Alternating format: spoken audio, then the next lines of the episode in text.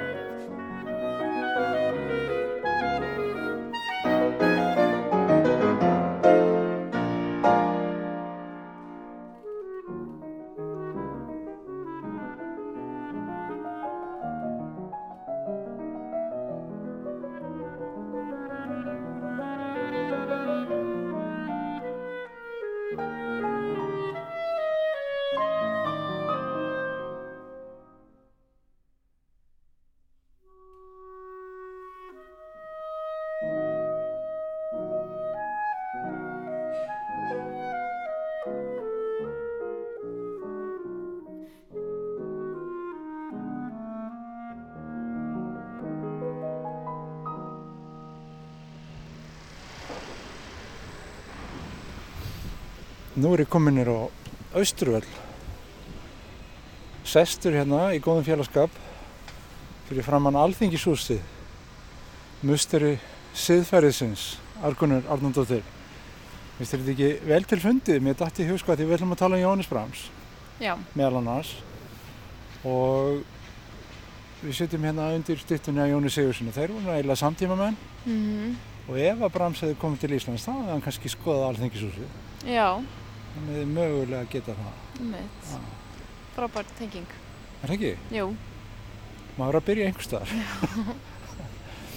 en sko þannig því miður þá er háttalarinn er svo sjaldan í loftinu að það er nú því miður of sjaldan sem að mér tekst tengjast inn í tónleikahaldið í borginni en þú ert að fara að halda tónleika þar sem að þú ætlar ekki að láta henni að spila eina sonut eftir Brahms heldur tvær Já, báðar um mitt. getur við sagt líka það er rosalega mikið skrifað um þessar sónutur og, og þetta er svona setni tímaverk Mm Ertu sammálið því sem mann segja að, að hann svona hafi ég náð bara kjarnamálsins í sambandi við klarinettuna í þessum verkum Já, ég er ekki frá því.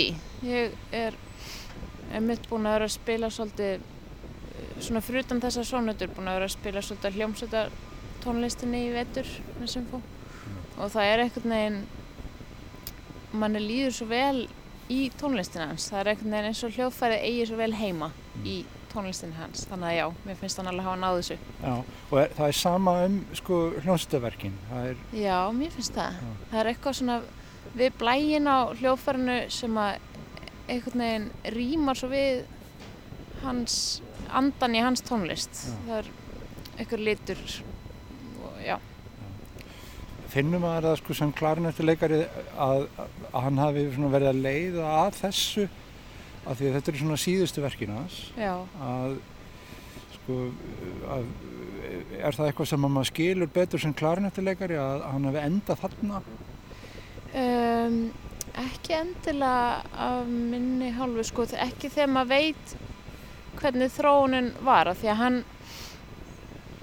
hann hérna hafði eiginlega, var eiginlega búinn að gefast upp á tónsmíðum. Hann Mm. var orðinn bara gamall og þreyttur og, og var, ekki, var einhvern veginn ekki innblásinn og, og, og skrifa einhverjum vinn sem hann ætlaði nú bara að fara að hætta þessu.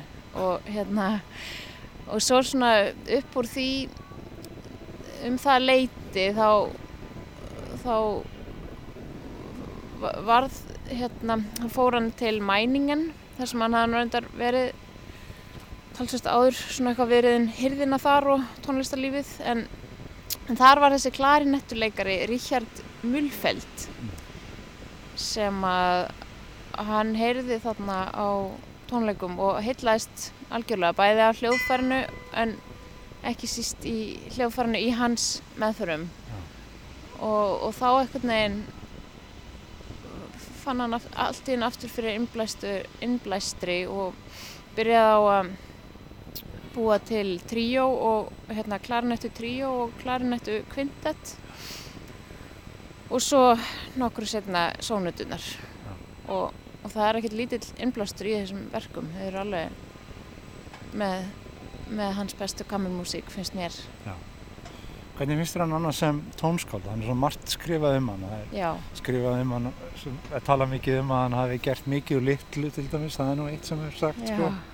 Ég heyrði í fyrsta skipti núna bara í gær að, að viss kynnslóð hefur hef talað um tónlistan sem klúra ok sem að ég hef gett ekki alveg tengt við sko en þetta er svona einhver, einhver tíðarandi Já. sem hann talaði inn í. Hann var náttúrulega þannig séð sko módernisti og, og þótti, þótti vera Já. það lengi vel og, og við sjáum hann sem romantikar. já Já.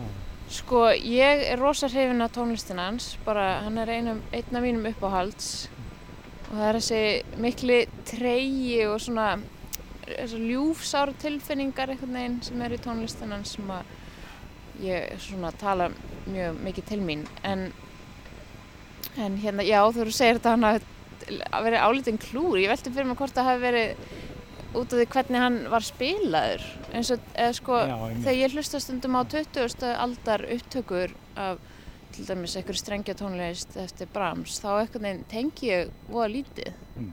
en, en þetta er búið að breytast mér fannst einhvern veginn oft eins og fólk tala um að það ætti að spila Brahms og hinn segir að það ætti alltaf að spila hann þú veist, nógu hægt einhvern veginn eða nógu að Já. Og mér finnst þetta að vera svona smá miskilingur stundum. Þú veist það er svo, bara, bara svo margt í þessari tónlist.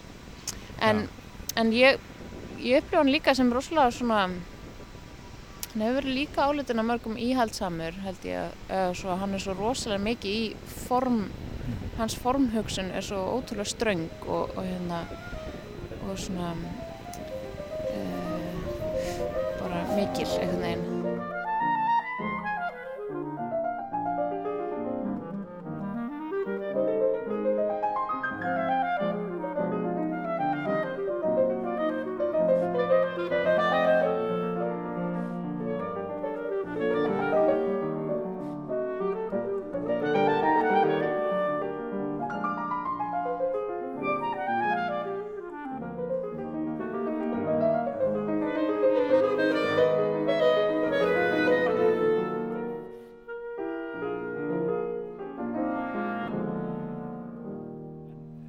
Þið, Ben Kim, þið ætla nú ekki bara að spila Brahms, þið, þið ætla að spila Alban Berg og það Já. er nú daldi, já, önnur hlið. Það er nú ekki síður, sko, hérna, vel gert fyrir klarnötuna í því, sko, en allt öðru þessi músík. allt öðruvísi, frábær tónlist finnst mér og þeir eiga nú kannski það sammeilegt að hafa verið í Vín þó að Brahms hafi verið frá Hamburg og þá bjó hann uh, stóran hluta af sinna í Vín og var mikið stór partur af tónlistarlífnu þar.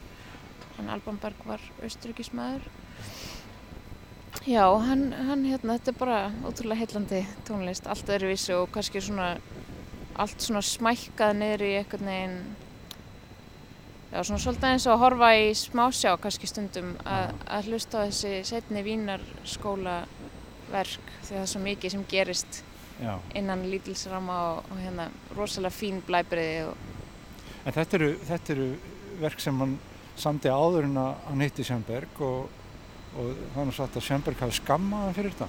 já, hann hefur kannski þótt hann vera að herma eftir sér.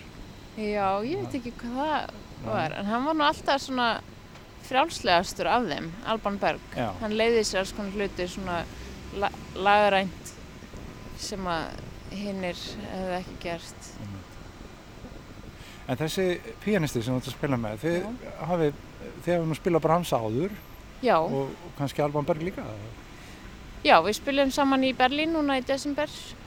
Um, en hérna við kynntumst á Íslandi 2012 Mm. það var þegar það var hérna á pódium kamertónlistarhátíð sem að var þá á Íslandi. Þetta er svona þessar hátíðir er, þetta er svona mm, svona listamanna reknar hátíðir uh, byrju, voru stopnað ungu fólki í Noregi fyrst og svo opnaði hátíð í eða var stopnuð hátíð í Estlingen í Þýskalandi og svo Íslandi. Þannig að þetta er svona net hátíða hann er reyndar ekki lengur til á Íslandi. En já þannig að við kynntumst þar og hann, hann býr í Berlín. og, og við spilum saman þar í desember Já. Verður eitthvað áframhald á þessu samstarfi? en það getur vel verið Já. það eru bara að koma í ljós Já, fer, fer eftir aðsó á sunnudaginn. já, Takk fyrir þetta, Argur. takk sem leiðis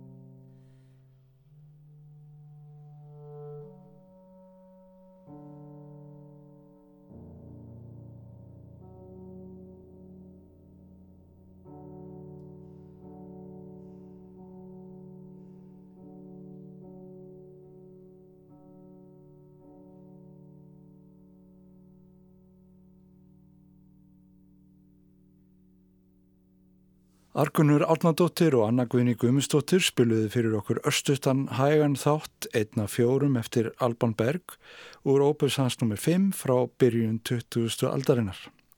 Þetta er meðal þess sem Argunur og Ben Kim ætla að spila tónleikum sínum næstkomandi sunnudagi hörpu.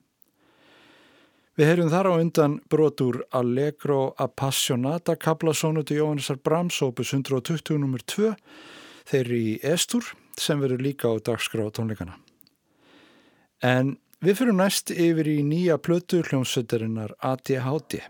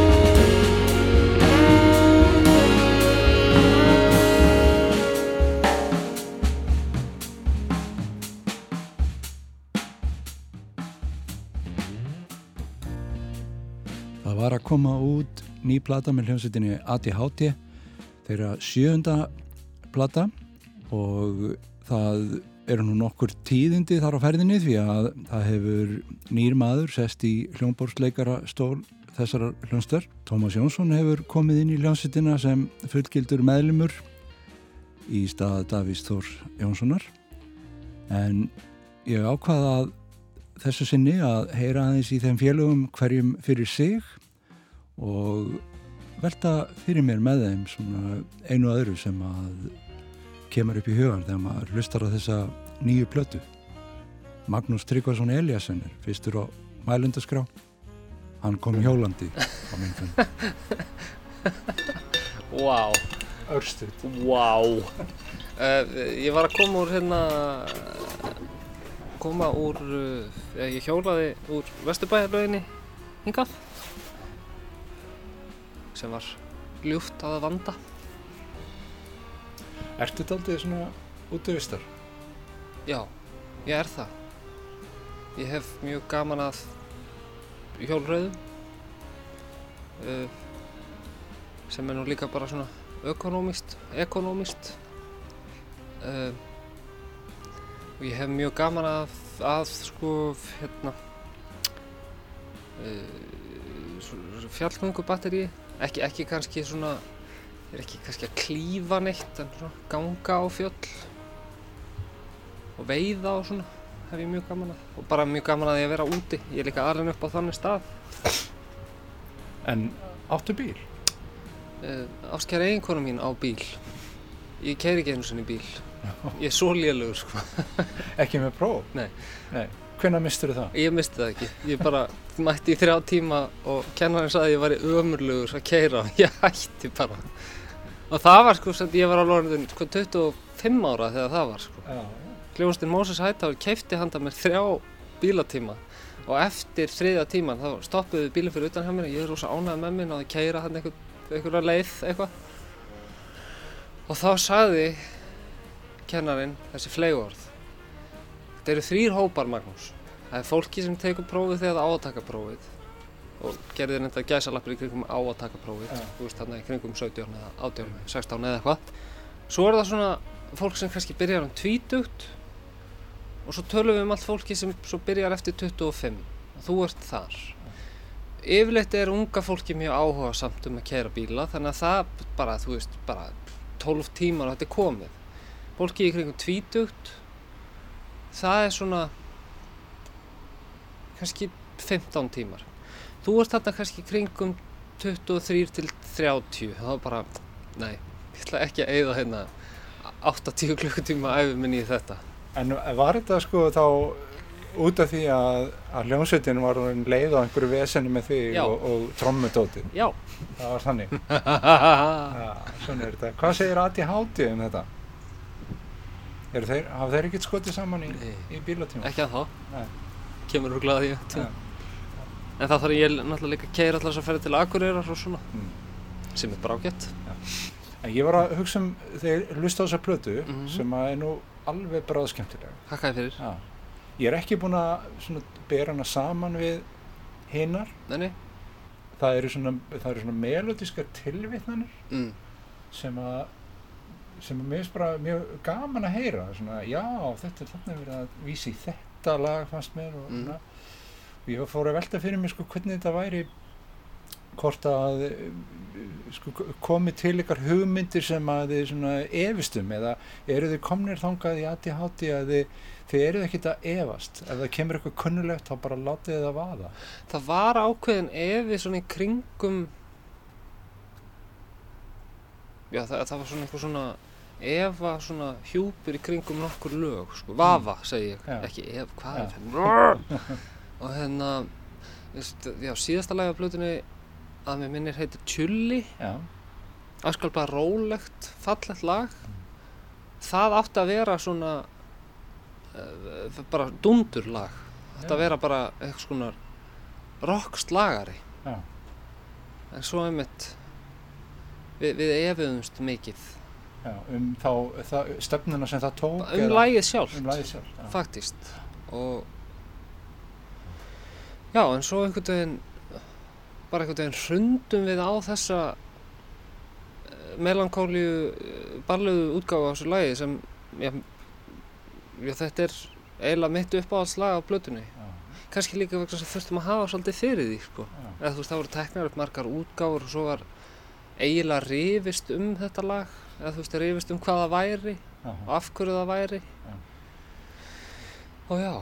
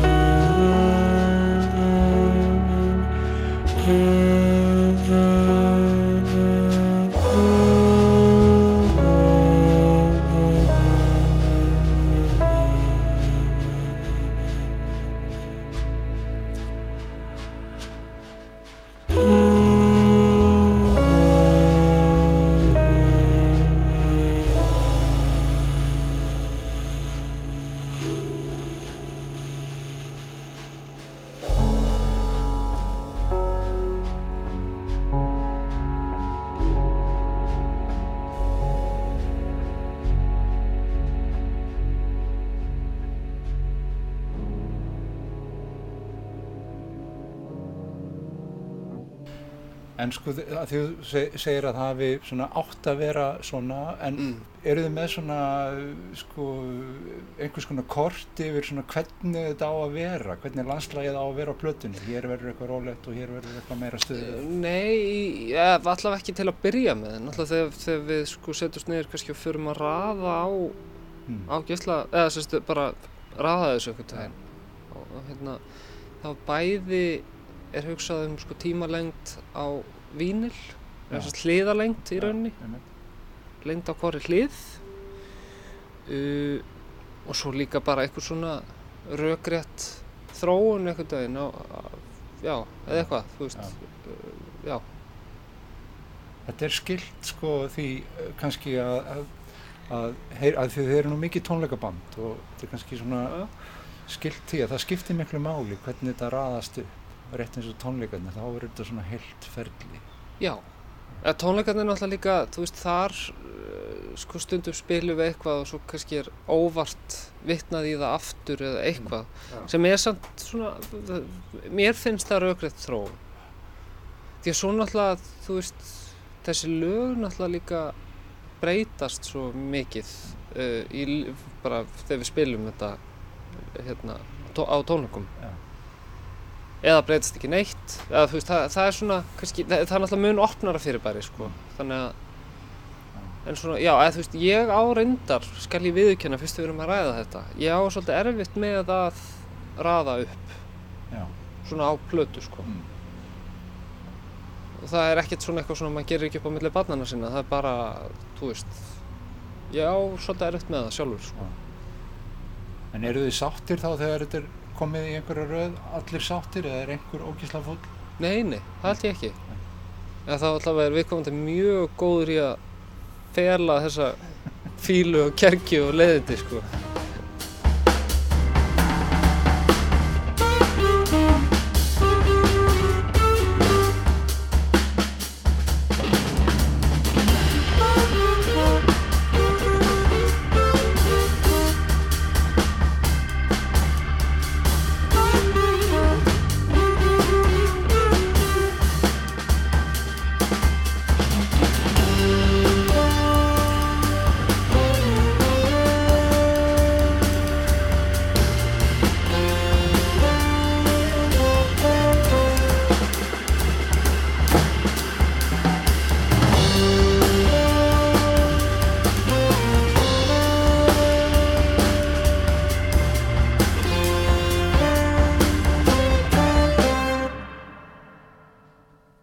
Guðjónsson kom á minn fund á risastórum fjallajappa en það mikill útivistar og veiði maður. En sko, þú komst á landröðurnu, hvaðan er þetta að koma? Og hvert er þetta að fara í lífinu? Herðu, ég er með að fara fína sögu núna. Að því ég er að koma hérna ég var að skipta um hjörulið þannig að ég, mér finnst það svolítið töff einhvern veginn geta sagt það. Einhvern veginn var, þú veist, var undir bílum Var eitthvað að honum? nei, nei, þetta er bara, þetta er eitt af sem ég ger á fyrstu dögum nei, mér fannst það svolítið gaman einhvern veginn að ég var að, hérna, undir bílum og, og ég, hérna, og félagið minn sem var að hjálpa mér í þessu. Við vorum að, hérna, taka hann úr og fara með hann í viðgerð og tala, vera á vegstaði í, kaffi og, og næst, þetta var mjög skemmtilegu tími. Uh, hvert er ég að fara? ég er að fara uh, ég er að fara að kaupa hjörlið Já. svona í lífinu það er bara bjart, gaman það er bara, þú má ekki segja það kannski í fjölmjölum en það er bara, þú veist uh, bara spila blues á í ammali Já. það er já, komandi framtíð eitthvað það er eitthvað stullað að fara í gang Ég var að, var að saka Óskar um að um stuld. Að ég var að segja sko að það eru nokkur lög sem að kveiki svona hugrenningatengsl sko með að minna mig á. Ok. það er, er ekki stulli sem að er Blue Skies. En, en það er auðvitað alltaf sko þegar maður heyrir músík þá sko þegar maður er að hlusta á hana þegar maður er bara hlustandi aha, þá er maður þá er maður alltaf að búa til svona hugrenningatengsl það er eitthvað sem kallar á mann sko. og það sem að ég fór svona að velta fyrir mér þessu með hvernig maður dílar við það? Þú veist, ef það kemur ert, ert þú eitthvað að rítskoði þannig? Uh, já, ég har svo sterka minningu á hérna, samspil Silmar Jenssonar í hérna í hérna FIH þegar ég er svona 17 ára kannski 18 ára.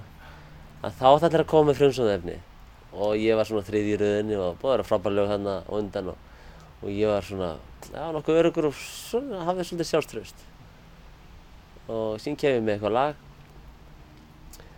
Og þá kemur kennarinn og segir eh, herðu þetta gengur, þetta er alveg og hérna, þetta lag. Já. og síðan þá hef ég verið frekar meðvitaður um þetta. En sko ég, í setni tíð þá hef ég líka verið svolítið sko uh, ja, þá hef, hef ég verið svolítið efinn hérna, komið tíminn með hvort ég sé að semja sama lagið aftur Já, oftar en ekki, eða skilur býtu, er þetta hef ég gert þetta kannski áður? Já. þetta, þessa hendingu eða En það er nú allt í lagi sko, ef maður er ekki sjálfur. Já, já, einmitt, ekki? jú, jú. Svo er nú margir segja að sé bara í mann eitt lag. Já, akkurat, akkurat. myndum. Einmitt. Áttu uppáhalslag á þessu? um, Mér finnst til dæmis sko lagi Tindlingur uh, mér finnst alveg ægilega gaman að spila það mér finnst ægilega gaman að spila live. Og líka þetta var lagi sem kannski var uh, lengst í bígerð. Við vorum svo mikið að hræri í því mikið að vesenast í, í takstskiptingum og mikið að vesenast í, í, í útsendingunni. Og síðan þegar við komið heim og saman þá var þetta svo stórt fyrir manni. Og, uh, og alveg ótrúlega gaman að- spila það live en síðan er það yfirleitt náttúrulega fyrir músikanta uh, eitthvað sem að kannski áherendin skinnir eitthvað allt annað? En fyrir músikantinn er þetta kannski sagan á bakvið að hvernig hljómsveitin díla við þetta. Spennandi að vita hva, hvað muni gera, muni eitthvað sprengja veist, þennan stað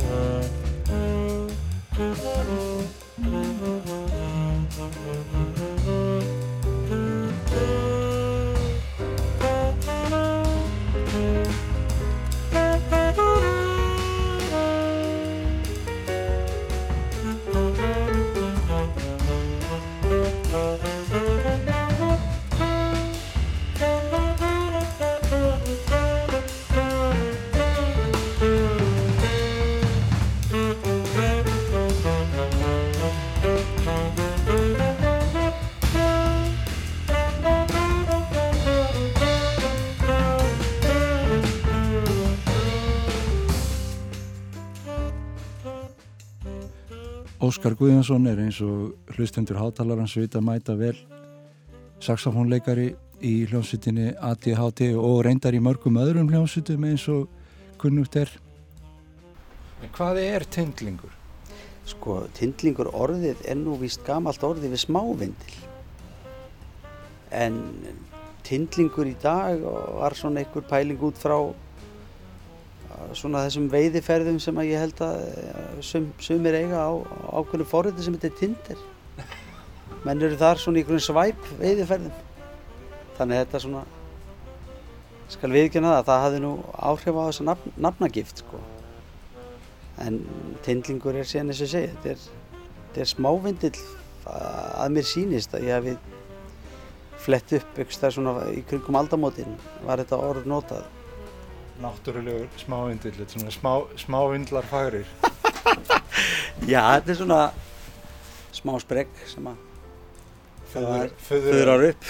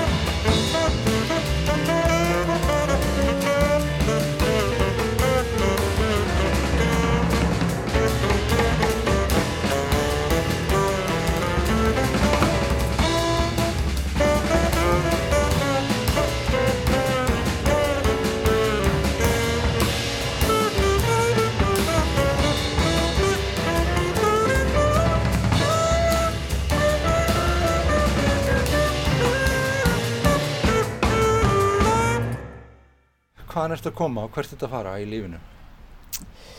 Ef maður ekki alltaf að koma úr síðasta kikki og fara í næsta kikk með öllu því sem er þar á milli með öllu rettingunum sem þar er á milli Og hvað var síðasta kikk?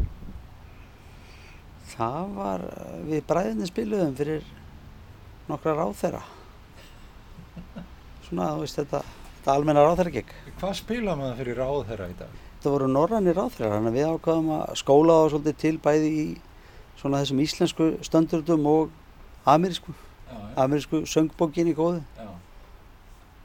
og svo inn á milli skaut maður inn sínum Jónum Múla og sjá hvort að maður geti kristnað ráþreirin eitthvað inn, inn á þessa línu. Sér maður það á þeim, hvort þeir eru eitthvað móttækilegi fyrir þessu eða eru þeir bara með pokerfaceið alveg? Hér alþjóðlega pokerface. Já, það er ekki oft í svona beisningu að maður fái sko klapp en það gerist þarna. Þannig að maður lítur að hafa náð eitthvað inn fyrir, fyrir pokerfaceið sko. Já. En platan góða, ég hérna, kom aðeins inn að það við Magga að það, það er á henni svona, það er svona eitthvað kunnulegt sko Já, og ég var nú að bera aðeins upp á hann og ykkur að það væri hérna stólinn stef, það er hérna, er það ekki stulli sem að vísar í Blue Skies? Það er eins og Blue Sky sé að byrja. Já, og svo er eitthvað annar lag það sem að byrjar, byrjar eiginlega alveg eins og Óborg með borg. Kemur upp eitthvað þegar þeir eru að spila því þeir eru náttúrulega mjög mikið svona live band og, Mhm. og performance orienterað. Það var ég velta fyrir mér svona með sko rítskoðunina hvort að hvort að þú til dæmis þú byrjar að blása einhverja línu og hvort að það rennur fyrir ljós að heyrðu ég er að spila hérna þetta lag og breytir því svo í eitthvað annað eða ertu bara í speysinu? já, ég held að þegar maður að sko takast á einhverja nýja músík þá allavega slekk ég ofsalega fljótt á þessum referensramma sko vegna þess að ég bara hef séð það á mér klárari mönnum að ef að þú eh, sko referensar allt og þekkir getur ekki byrjað á lægi nema að þekkja hundra lög sem byrja svona að þá einhvern veginn ertu búin að fyrirgera réttið þínum í að reyna að tróða þessa tróðnu en samt ótróðnu slóða að reyna að semja eitthvað. Vegna þess að allt er þetta undir einhverjum áhrifum og allt er þetta fengið að láni. Það er ekkert nýtt undir sólinni svo sem í tónsmíðum þau ættu að díla við þessa sömu tólf tóna eins og allir er að díla við sko. Þannig að ég er ekki beint að setja með þarna inn en það hefur alveg komið fyrir að maður maður byrjar eitthvað á nótnaröð og maður veldi fyrir sér að er þetta ofmikið eitthvað eða eitthvað og maður kannski reynir þá að, að, stýra skipinu á þá leið að það verði til einhver eh, einhver manns eigin leið í, í sama tróðningi sko. en eins og segi ég, ég passa mig svolítið að slökka á þessum ratar um hvað er þetta nú eins og Já. til þess að þetta geti átt sér einhverja eðlilega þróun á þess að maður sé alltaf að kveikja á einhverju ljósum hjá fólki sem það er algjör óþarf að kveikja á þeim göngum sko. maður er að leita einhverjum öðrum farvegi fyrir nákvæmlega þessa sköpun sko. En er ekki samt sko, er ekki alltaf áhörundur samt að leita að þessu sko? Maður, maður stendur sjálfan sig að því að þegar maður hlustar, að maður svona fer daldið í hennan gýr, maður ber saman. Já, þess vegna til dæmis bara í til dæmis bara í kennslu hefur mér fundið svo svolítið gaman að, að takast á við lög nefndana sjálfra heldur en að láta það á endalist vera að spila eitthvað sem allir geta bent á og sagt já, þetta er nú ekki jafn gott og þetta eða hitt sko. en er þetta ekki eitthvað í okkar mannlega eðli að við erum að leita að einhverjum sem að samrýmist einhverju öðru sem við þekkjum? Þess vegna elskum við músík sem er uh, í ákveðnu formi sem við vitum að það er að koma á millikafli sem ég get sungið með og svo kemur næsti kafli og, og þegar maður horfir á hinn almenna kannski tónlistaneytanda þá horfir maður á hann einmitt syngjandi með ykkur sem hann kann og hann veit hvað er að koma. Það að láta koma sér á óvart er ekkit endilega það sem að hinn almenni tónleikagestu vill þannig að ég held að þetta sé þetta hlýtur eru eitthvað eitthvað eitthvað í okkar mannlega eðli sem að við viljum leitað ykkur sem við getum einhvern veginn flætt með vegna sem við vitum að vitum hvert, hvert er stemt Já. Tómas Jónsson var á tónleikaferðilegi með Júniusi Meivand í Ameríku og ég náði hann í Síma þar sem hann var komin í heimahagana sem að nú eru í Þorlósöfn og ég spurði Tómas aðeins út í þetta hvernig væri að koma inn í hljónsveit sem að svona annar hljóðfærarleikari hefði lagt daldi línurnar hvort það væri til trafala fyrir hann eða hvað Sko, ég, þetta var, þetta var svona pingu dilemma fyrst, sko. mm. Bæði vegna þess að, hérna, ég er fyrir, fyrir að fyrsta bara mjög hrifin af Davíð Já, og hans verkum og hans sándi og hugviti almennt. með Hann hefur verið mér bara mikill innblástur í mörg ár. Uh, og líka bara vegna þess að þetta er náttúrulega, hérna, hvert er þar sem að sánd hvers og eins er hérna gerir, þú veist svo rosalega stóran hlut Já, og á svo stóran þátt í hérna í hljómi bandsins. Einmitt. Hérna og hans sánd gerir náttúrulega svolítið mikið hérna fannst mér alltaf sko Mhm. þetta, þetta sánd í þessu bandi þetta sko orgel með hérna öllum díljónum og ríðurpinu og og svona, þú veist, þetta er svona óvanlegt sko orgel í raun. Já, hérna, þannig ég var svona, þetta var smá ég átti svona smá uh, hérna deilum við sjálf mig sko kannski fyrst uh, hvað, þú veist hvað ég ætti að taka svona af uh, þessu sem ég stætti eðlilegt fyrir samt hljómsveitarinnar mm, sem að hann hefur vissulega gert og hversu mikið maður á að að gera þú veist, bara eins og maður heyrir sjálfur. Já, akkurat, en er, bara, þú veist hefur aldrei verið þannig að í þessu að það sé hérna ætlast til að gert ráð fyrir því að maður sándi þú veist, einhvern veginn eða einhvern veginn. Nei, einmitt, þetta, heldur bara, Þetta kemur kannski aldrei inn á það sem ég er búin að vera að tala við hérna sko því að þeir eru svo mikið liveband og, og þannig svo mikið spilað og, og ég var svona að bera upp á menn að, að maður heyrði svona kunnuleg lög í gegnum lögin á nýju plötunni já. Og hérna en, en sko þá, þá fór ég svona spekulir í sko þetta með einmitt reitskoðunina hjá hverjum og einum hvort að maður sé að pæla í þessu þú veist, er maður að fá eitthvað að láni eða, eða hvað? Einmitt, hmm.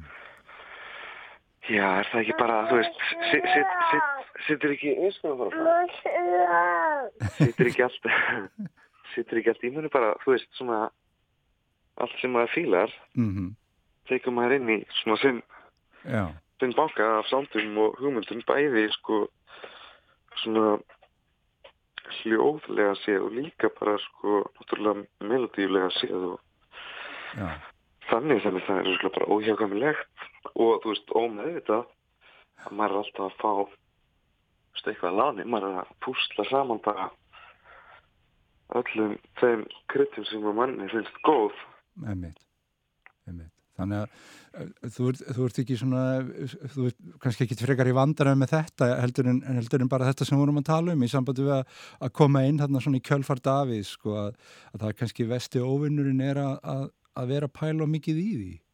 Já, nákvæmlega, ég held að það sé algjörlega málið. Þegar þú veist að segja mér hérna og væri að túra með Júniu sem er vant og svo ertu komin í þetta ADHD dæmi. Já, Eh, sko, hvernig er þetta svona í tilverunni? Nægir það til dæmis? Tvent? uh, nei Nei.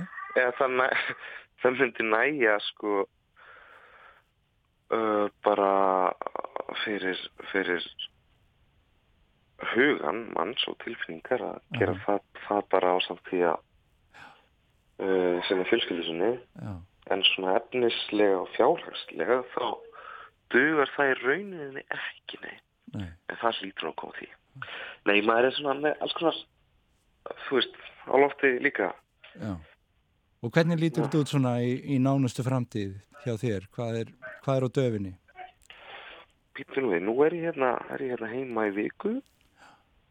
Ég er að gera eitthvað.